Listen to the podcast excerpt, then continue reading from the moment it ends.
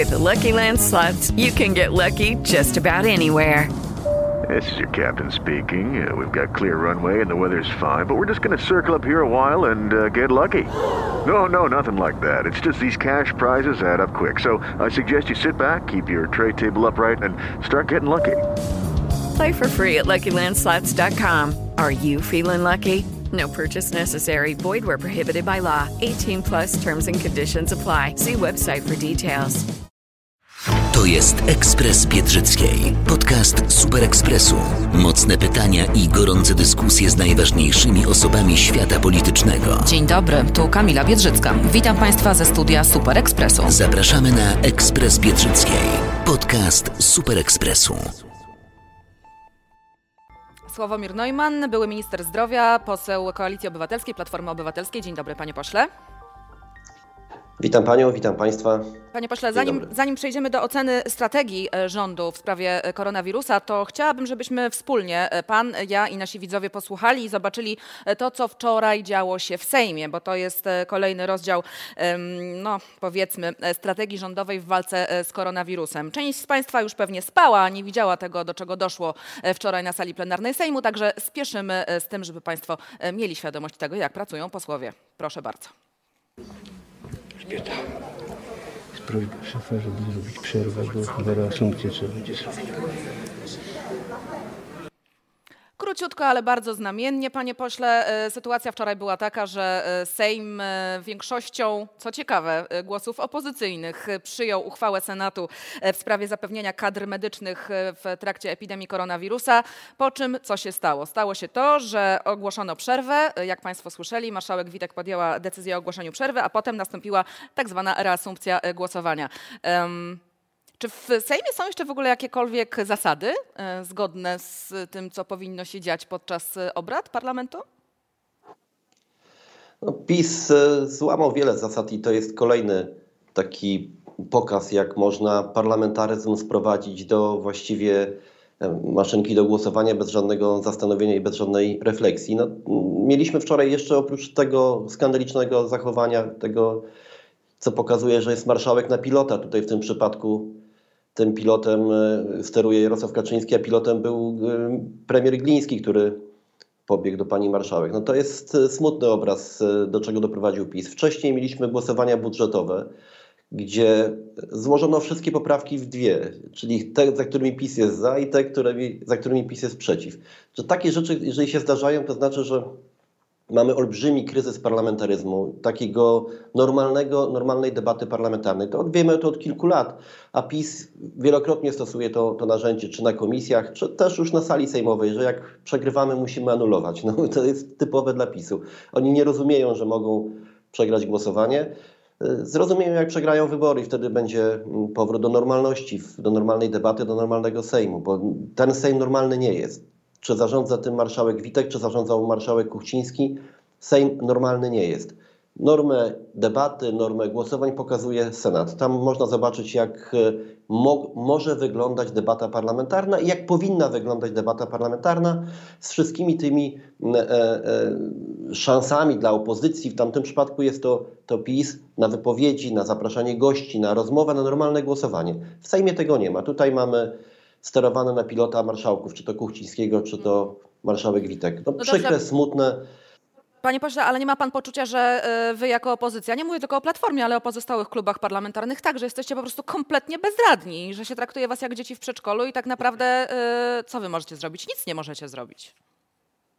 Głosowaliśmy, jak pani widziała dobrze, wygraliśmy to głosowanie. Nie, nie udało, udało się przyjąć poprawkę Senatu, która odrzucała tę ustawę. No, ale głosowanie no zostało no, anulowane, koniec kropka, idziemy do przodu. PiSu nie zdążyło zagłosować po prostu. No, no, wie pani, no, ta zdalna praca powoduje też to, że można takie triki stosować. Myśmy byli przeciwni takim, e, takim rozwiązaniom, można było to robić inaczej mhm. i dzisiaj są tego efekty, niestety.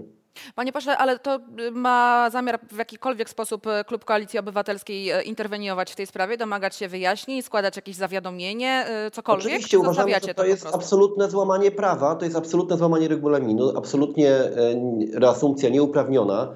Ta ustawa nie powinna już mieć dalszego biegu, bo została przyjęta poprawka Senatu odrzucająca tę ustawę i sprawa jest dla mnie oczywista i to jest kwestia Problem tylko, że no, takimi sprawami powinna zajmować się prokuratura, no ale mm, mam wrażenie, że prokurator generalny, minister sprawiedliwości też brał udział w tym przestępstwie, bo też pewnie głosował za reasumpcją i głosował w tym drugim głosowaniu, więc y, to są rzeczy, które są odkładane na przyszłość, żeby je potem e, wyjaśniać i żeby je potem jak gdyby organy ścigania mogły normalnie prowadzić, w, kiedy państwo będzie niezależne od takich politycznych, jakby to powiedzieć, trochę autorytarnych zapędów. No, tutaj w tej chwili możemy zgłaszać te wnioski do prokuratury i pewnie będziemy to robić. To na pewno było złamanie regulaminu i prawa. Tu nie było powodów najmniejszych do reasumpcji. Odbyło się normalne głosowanie. Kilku posłów e, PiSu zagłosowało inaczej niż cały klub, dlatego nie wygrali tego głosowania. E, jeżeli z tym się nie zgadzają, no to niech ustawę składają po raz drugi, jak w normalnym, cywilizowanym kraju, a nie robią tego typu łamańce prawne, bo one są niezgodne z prawem. No ale robią, robili i pewnie robić będą. Panie pośle, dobrze, idziemy dalej. Wczoraj konferencja ministra Dobrze, zdrowia. Pewnie będą tak robić. Wczoraj konferencja zdrowia e, ministra e, Niedzielskiego. Coś się zakręciłam. Wczoraj konferencja ministra zdrowia Adama Niedzielskiego. Tak. tak, dokładnie. Ogłasza kwarantannę narodową. Dziś wicerzecznik Prawa i Sprawiedliwości mówił, że e, pan minister nie był precyzyjny, że jednak to nie jest kwarantanna narodowa, tylko czas Solidarności. Co pan z tego rozumie? Ja już ze strategii rządu od wielu miesięcy nic nie rozumiem, bo tej strategii po prostu nie ma. Oni sobie zaprzeczają co, co dwa tygodnie swoimi działaniami.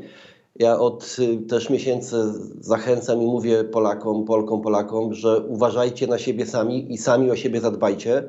Noście maseczki, trzymajcie dystans, dezynfekujcie ręce, bo rząd wam nie pomoże w tej pandemii. I tutaj ta wczorajsza konferencja jest tego przykładem.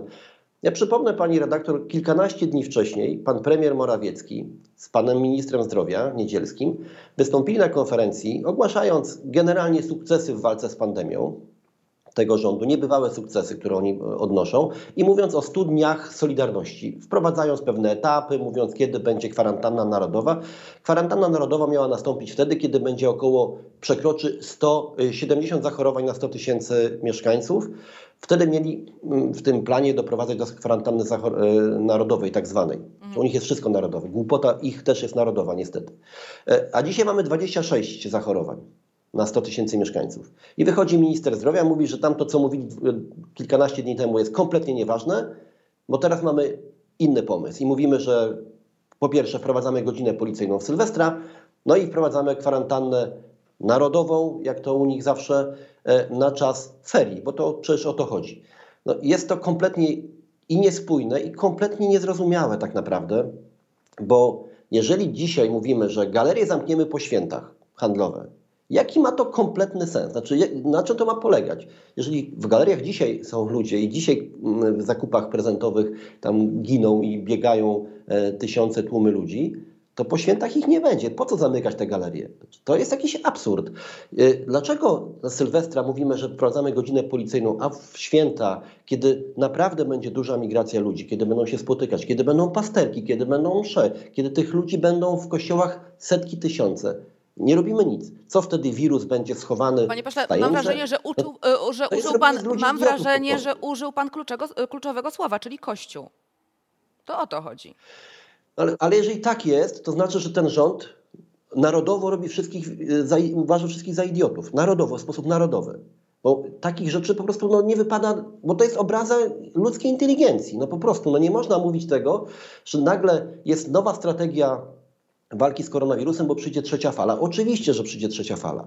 Ja mam wrażenie, że ta wczorajsza konferencja prasowa i te wczorajsze decyzje ogłaszane przez ministra zdrowia wynikają z tego, że naczytali się, że Niemcy wprowadzili obostrzenia i lockdown właściwie teraz, Holendrzy wprowadzili lockdown, no to my musimy zrobić to samo. Nie zrobimy teraz, no bo ludzie się wkurzą, bo są święta, bo muszą na pasterkę iść, bo przecież Kościół będzie krzyczał, więc nie wolno tego zrobić, to zrobimy to po świętach. Mhm. To jest kompletny absurd. To nic nie da, bo jeżeli mamy ograniczyć jakiekolwiek kontakty, to należy to zrobić przed świętami, a nie po świętach. Po świętach już oczywiście zostaje Sylwester. No, tutaj można się zastanawiać, jakie można było przyjąć rozwiązania, żeby rzeczywiście nie dochodziło do jakichś wielkich imprez. No i oczywiście ta wojna w, z feriami i z tym najpierw skomasowaniem ferii w jeden e, okres, te dwa tygodnie, a teraz doprowadzenie do tego, że nie będzie fizycznej, prawnej czy jakiejkolwiek organizacyjnej możliwości, żeby ludzie wyjechali, bo będą zamknięte nie tylko restauracje, będą zamknięte hotele i będą siedzieć w tym czasie w domu. Będzie prawdziwy lockdown. No ale to można było zapowiedzieć wcześniej, a nie zaskakiwać znowu e, Polaków. To jest y, brak jakiejkolwiek strategii. To jest takie, mam wrażenie, mm, działanie wynikające z ostatniego spotkania, z ostatniej narady i wpadliśmy na genialny pomysł, tak jak pani wstępnie wcześniej e, powiedziała o królu Julianie. To jest, to jest takie myślenie. Mhm. Szybko to róbmy, zanim do nas dojdzie, że to jest kompletnie bez sensu. No to jest e, takie działanie, które od kilku miesięcy ja obserwuję. Podobnie mamy e, dużo zapowiedzi o szczepieniach, o szczepionkach, że będziemy jako kraj przygotowani na to, żeby zaszczepić. Do szczepień zaraz przejdziemy, e, panie ministrze, zaraz, zaraz przejdziemy tak do, do, do, szczepień. Jeśli pan e, pozwoli, tylko to jeszcze bardzo ważny i wydaje mi się, że w ogóle fundamentalny wątek e, całej tej historii jest taki, na niego wczoraj zwrócili uwagę, na nich przynajmniej zawsze można liczyć wybitni prawnicy, którzy powiedzieli, że wszystko, co jest ogłoszone przez Ministerstwo Zdrowia, co zostało ogłoszone Oczywiście. przez Adama Niedzielskiego jest po prostu niezgodne z konstytucją. Dlatego, że zakaz przemieszczania się, tak jak jest nałożony niby E, na, w trakcie nocy sylwestrowej, no to, to nie, bo, bo można to robić wyłącznie wtedy, kiedy wprowadzi się stan nadzwyczajny. Po prostu. Tego stanu no nadzwyczajnego no to... rząd nie wprowadza. W związku z tym tak naprawdę każdy obywatel może na tę ulicę w, w Sylwestra wyjść i nie przyjąć mandatu od policji, twierdząc, że jest to po prostu niezgodne z konstytucją, że nie ma podstawy prawnej do tego, abym ja jako obywatelka nie mogła się po ulicy poruszać. Po prostu. No ale to jest oczywiste i o tym też mówimy, że tu nie ma żadnej strategii, no bo ja rozumiem, że e, pewnie kilka dni temu e, rząd został zaskoczony tym, że 31 grudnia będzie Sylwester i że ludzie wyjdą być może na ulicę się pobawić, być może w jakieś większe imprezy zorganizują. Zaskoczyło ich to. No i wychodzi minister na konferencję i na konferencji ogłasza obostrzenia. One nie mają żadnego umocowania prawnego. Zresztą ten rząd wielokrotnie ogłaszał na konferencjach różnego rodzaju zasady nowe w walki z COVID-em, potem one były zmieniane, jak już dochodziło do jakichś rozporządzeń pisanych, a na końcu jeszcze były zmieniane ustawą, więc to, to jest, ten bałagan jest wszechobecny u nich i, i to jest prawda. Tu nie ma żadnej podstawy prawnej do godziny policyjnej. No I nie ma żadnej podstawy prawnej do tego, żeby zatrzymać ludzi w domach. Prawda jest też taka, że nasza odpowiedzialność, i to nasza, mówię jako Polek i Polaków, odpowiedzialność powinna być taka, żeby maksymalnie ograniczać te kontakty i żeby unikać tego typu e, zbiegowisk czy z imprez, gdzie mogłyby e, te transmisja wirusa być bardzo szybka. Jeżeli my tego nie zrobimy, rząd za nas nie zrobi, bo oni nawet tego nie potrafią zrobić. Było posiedzenie Sejmu, można było rozmawiać o tym na początku grudnia, mogliśmy o tym rozmawiać na początku czy w środku listopada, przyjąć rozwiązania prawne, pokazać, że to są takie dni jak święta, jak e, Nowy Rok, które powodują, że naturalnie ludzie się gromadzą, że rodziny się zbierają, że czasami ktoś ma pomysł na jakąś domówkę, jakąś większą imprezę. Żeby temu przeciwdziałać, można było przygotować i rozwiązania prawne, i normalnie wyedukować trochę e, tych, którzy nie wierzą w wirusa albo uważają, że ich wirus nie dotknie i mogą się bawić i go nie przeniosą na nikogo innego z rodziny. Ten czas został zmarnowany i myślę, że efekt taki, że jak mówię, naczytali się tego, co robią nasi sąsiedzi na zachodzie i uznali, że to samo wprowadzą bez, żadnych, bez żadnego trybu. Ale to bez żadnego trybu w PiSie jest jakimś, jakimś prawdziwym wirusem, który po głowach im się rozlewa i rzeczywiście myślą, że tak wszyscy mogą działać. Prawda jest taka, to nie ma na pewno podstaw prawnych.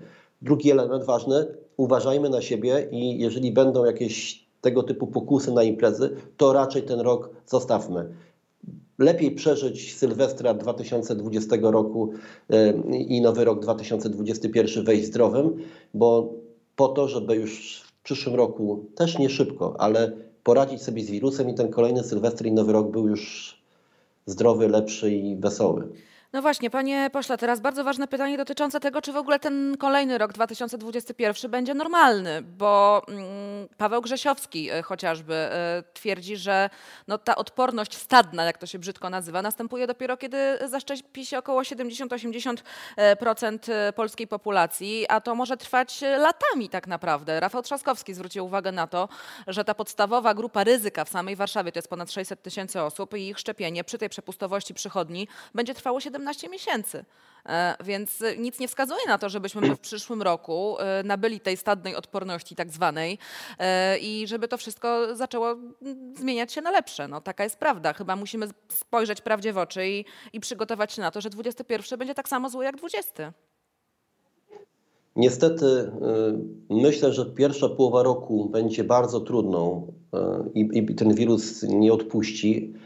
A ten bałagan, który e, pokazaliśmy w tym roku, on się przeniesie na przyszły rok. Ja bacznie obserwuję e, konferencje prasowe premiera, ministrów, którzy mówią o przygotowaniu do szczepienia.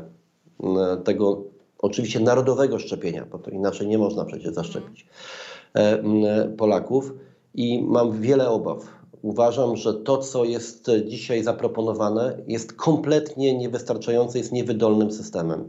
Będziemy świadkami oczywiście pierwszych szczepień i wielkich pewnie pokazów, konferencji i, i picu, który będzie premier z ministrami i być może z prezydentem pokazywał, będą sami się szczepić, ale Polacy zaszczepieni nie będą, bo ten system jest tak przygotowany, że on nie daje szansy, wydolności takiej, żeby móc szczepić milionami Polaków w ciągu miesiąca.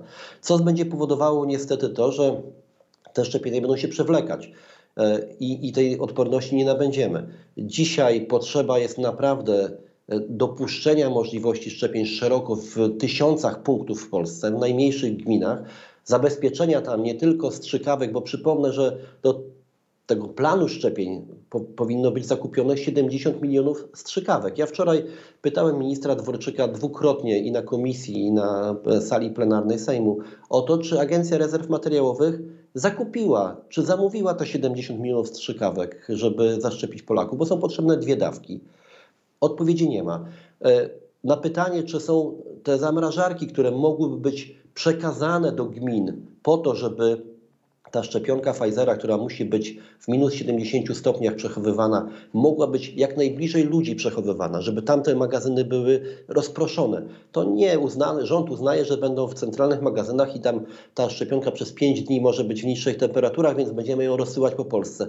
Rozumiem, poczta Sasina będzie rozsyłała ją po Polsce. Znaczy jest tyle niestety e, raf i zagrożeń na te, na te szczepienia, że jestem pełen obaw, żebyśmy przeszli na początek chociaż ten pierwszy test i zaszczepili ludzi związanych z walką z COVID-em, czyli środowisko medyczne, służby, mhm. no to byłoby już dużym sukcesem, ale mam wielkie obawy, że to po pierwsze tak nie będzie prosto szło, a po drugie z miesiąca na miesiąc możemy być świadkami tego, że Polacy, widząc ten cały bałagan i ten cały chaos, nie będą chcieli się po prostu szczepić. I to będzie druga odpowiedzialność e, e, ministra Niedzielskiego, premiera e, Morawieckiego Dobrze. za to, że nie są w stanie przekonać nawet Polaków do tego, żeby zaszczepili się, stworzyć im do tego też warunków, bo to też jest, Panie tego pośle, się nie da. E, oczywiście bardzo łatwo jest tak mówić z perspektywy fotela posła opozycji, ale ja zapytam właśnie w inny sposób. Czy oprócz słów krytyki e, macie Państwo jako opozycja jakieś e, propozycje konstruktywne?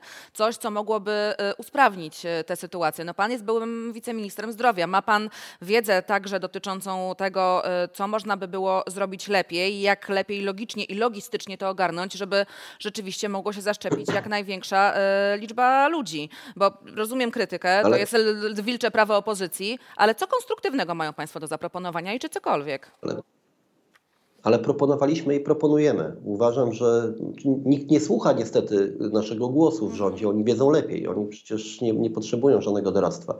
Ja uważam i to proponujemy. To szczepienie musi być masowe, ono musi być natychmiast bardzo dużą populację obejmować, czyli powinno być rozproszone punkty szczepień, powinny być mobilne punkty szczepień.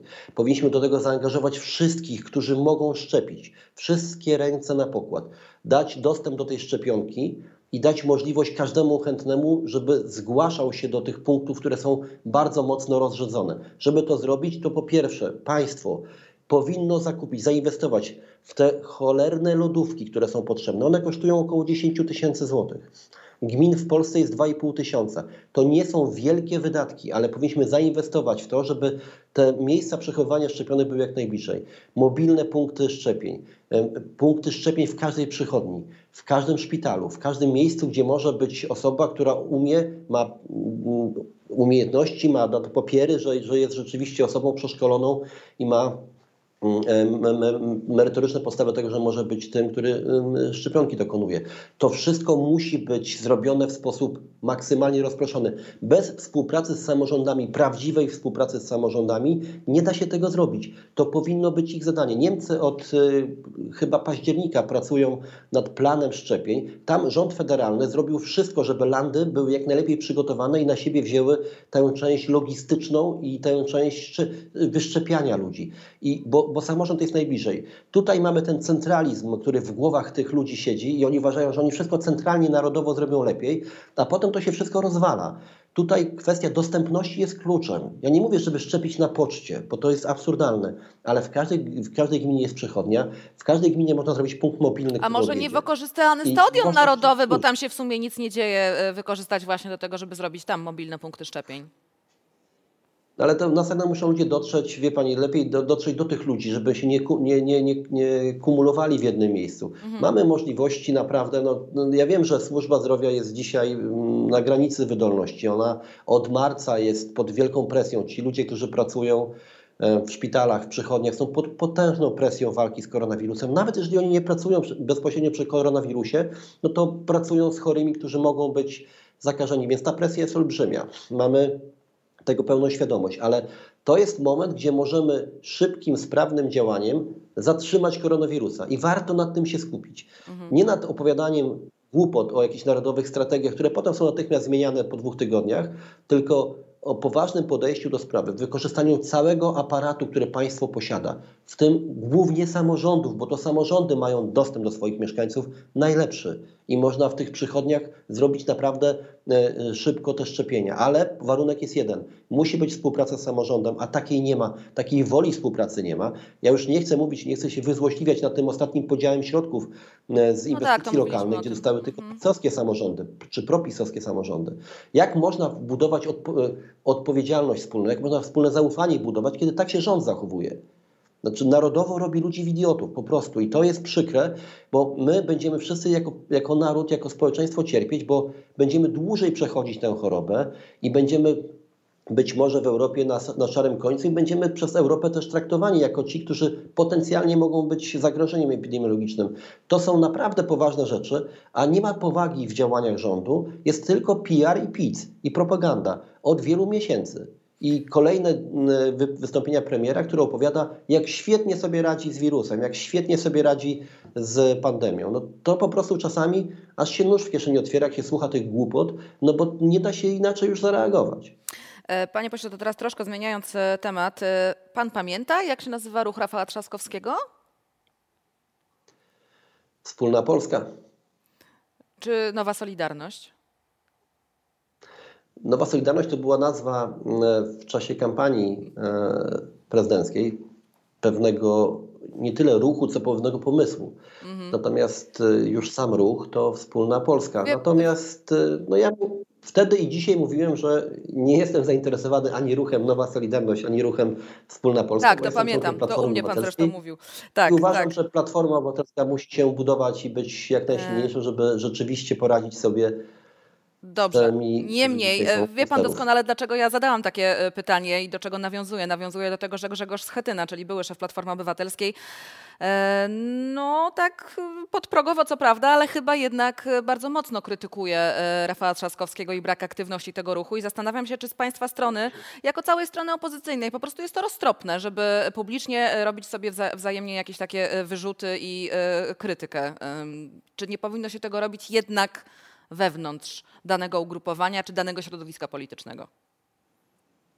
Ja nie widziałem tu krytyki, tylko raczej o, o, opis sytuacji. Ja rozumiem, że Grzegorz Schetyna także nie jest e, członkiem ruchu Wspólna Polska, więc e, pewnie nie ma wiedzy. Ja też nie mam wiedzy, jak ten ruch działa, bo jak mówię, no nie jestem tym e, zainteresowany. Pomysł Rafała Trzaskowskiego na ruch dla ludzi, którzy nie chcą być członkami partii politycznych, jest pomysłem ciekawym. Czy on czy on się utrzyma. Ja mówiłem od samego początku, że to jest bardzo trudne zadanie. Do wyborów są trzy lata.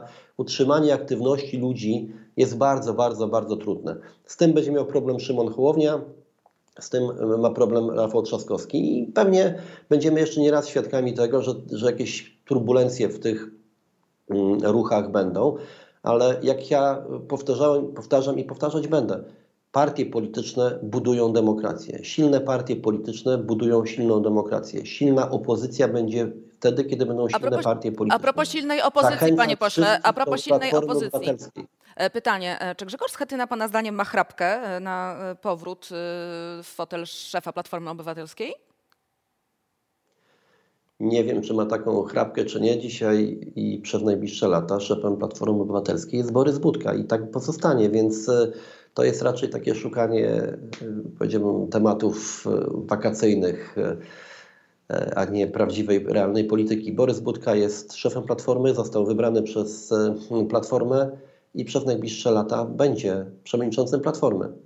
E, Panie pośle, jeszcze jedno pytanie dotyczące e, pana spraw, a konkretnie tego, że śledczy e, 8 grudnia zarzucili panu mm, przekroczenie uprawnień służbowych w celu osiągnięcia korzyści majątkowych w kwocie 13,5 miliona złotych przez warszawską e, klinikę medyczną. E, Ta sytuacja, ta sprawa ciągnie się już dobrych kilka lat. E, e, Teraz znalazła swój finał, no taki ostateczny, bo śledczy no, wydali z siebie wreszcie ten e, komunikat. E, Dla pana to chyba poważny polityczny problem.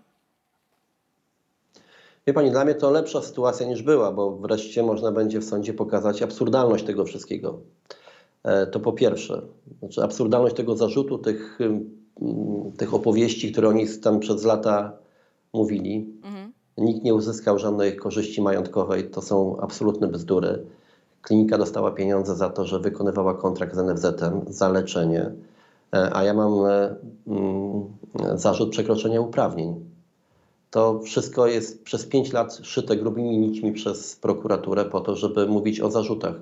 Ja się cieszę, że sprawa trafi do sądu, bo w sądzie można będzie, mam nadzieję, w miarę szybkim procesie pokazać absurdalność tego wszystkiego i, i oczyścić się, bo dopóki miała to prokuratura, no to oni byli jedynym, który mógł e, cały czas jakieś rzeczy do mediów suflować. Teraz to będzie publiczne i ja nie mam z tym najmniejszego problemu, wręcz przeciwnie, cieszę się, że ten etap jest taki, a nie jak do tej pory przez 5 lat takiego szukania haków i szukania jakichkolwiek zahaczenia, żeby można było mówić o, o jakimś em, łamaniu prawa. Tutaj łamania prawa nie było. Przypomnę, że prokuratura, kiedy była niezależna, kiedy prokuratorem generalnym był pan Seremet, tę sprawę badała i umorzyła ją wtedy, nie znajdując żadnych, ale absolutnie żadnych znamion złamania prawa. Panie pod- podsumowując, rozumiem, że jest pan spokojny i e, niemal pewny, że sprawę w sądzie Jestem wygra. spokojny tutaj. Jestem o tym przekonany. Tutaj nie mam żadnych wątpliwości. Sławomir Neumann, poseł Koalicji Obywatelskiej, Platformy Obywatelskiej, były wiceminister zdrowia. Panie ministrze, dużo zdrowia e, na święta przede wszystkim, bo pewnie już przed świętami się nie słyszymy. Zdrowia pani, Także zdrowia wszystkiego dobrego dla pana i to podstawa. Tak jest, dokładnie, tego Tak, się trzymajmy. wzajemnie. Sławomir Neumann, bardzo I dziękuję. do trzymajmy się sami, pilnujmy się sami, bo rząd nam nie pomoże.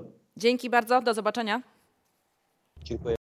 To był Ekspres Biedrzyckiej, podcast Super Ekspresu. Zapraszam na kolejne spotkanie w Ekspresie Biedrzyckiej. Pozdrawiam bardzo serdecznie. Kamila Biedrzycka. Rozmowę znajdziesz także w Super Ekspresie, w internecie i gazecie.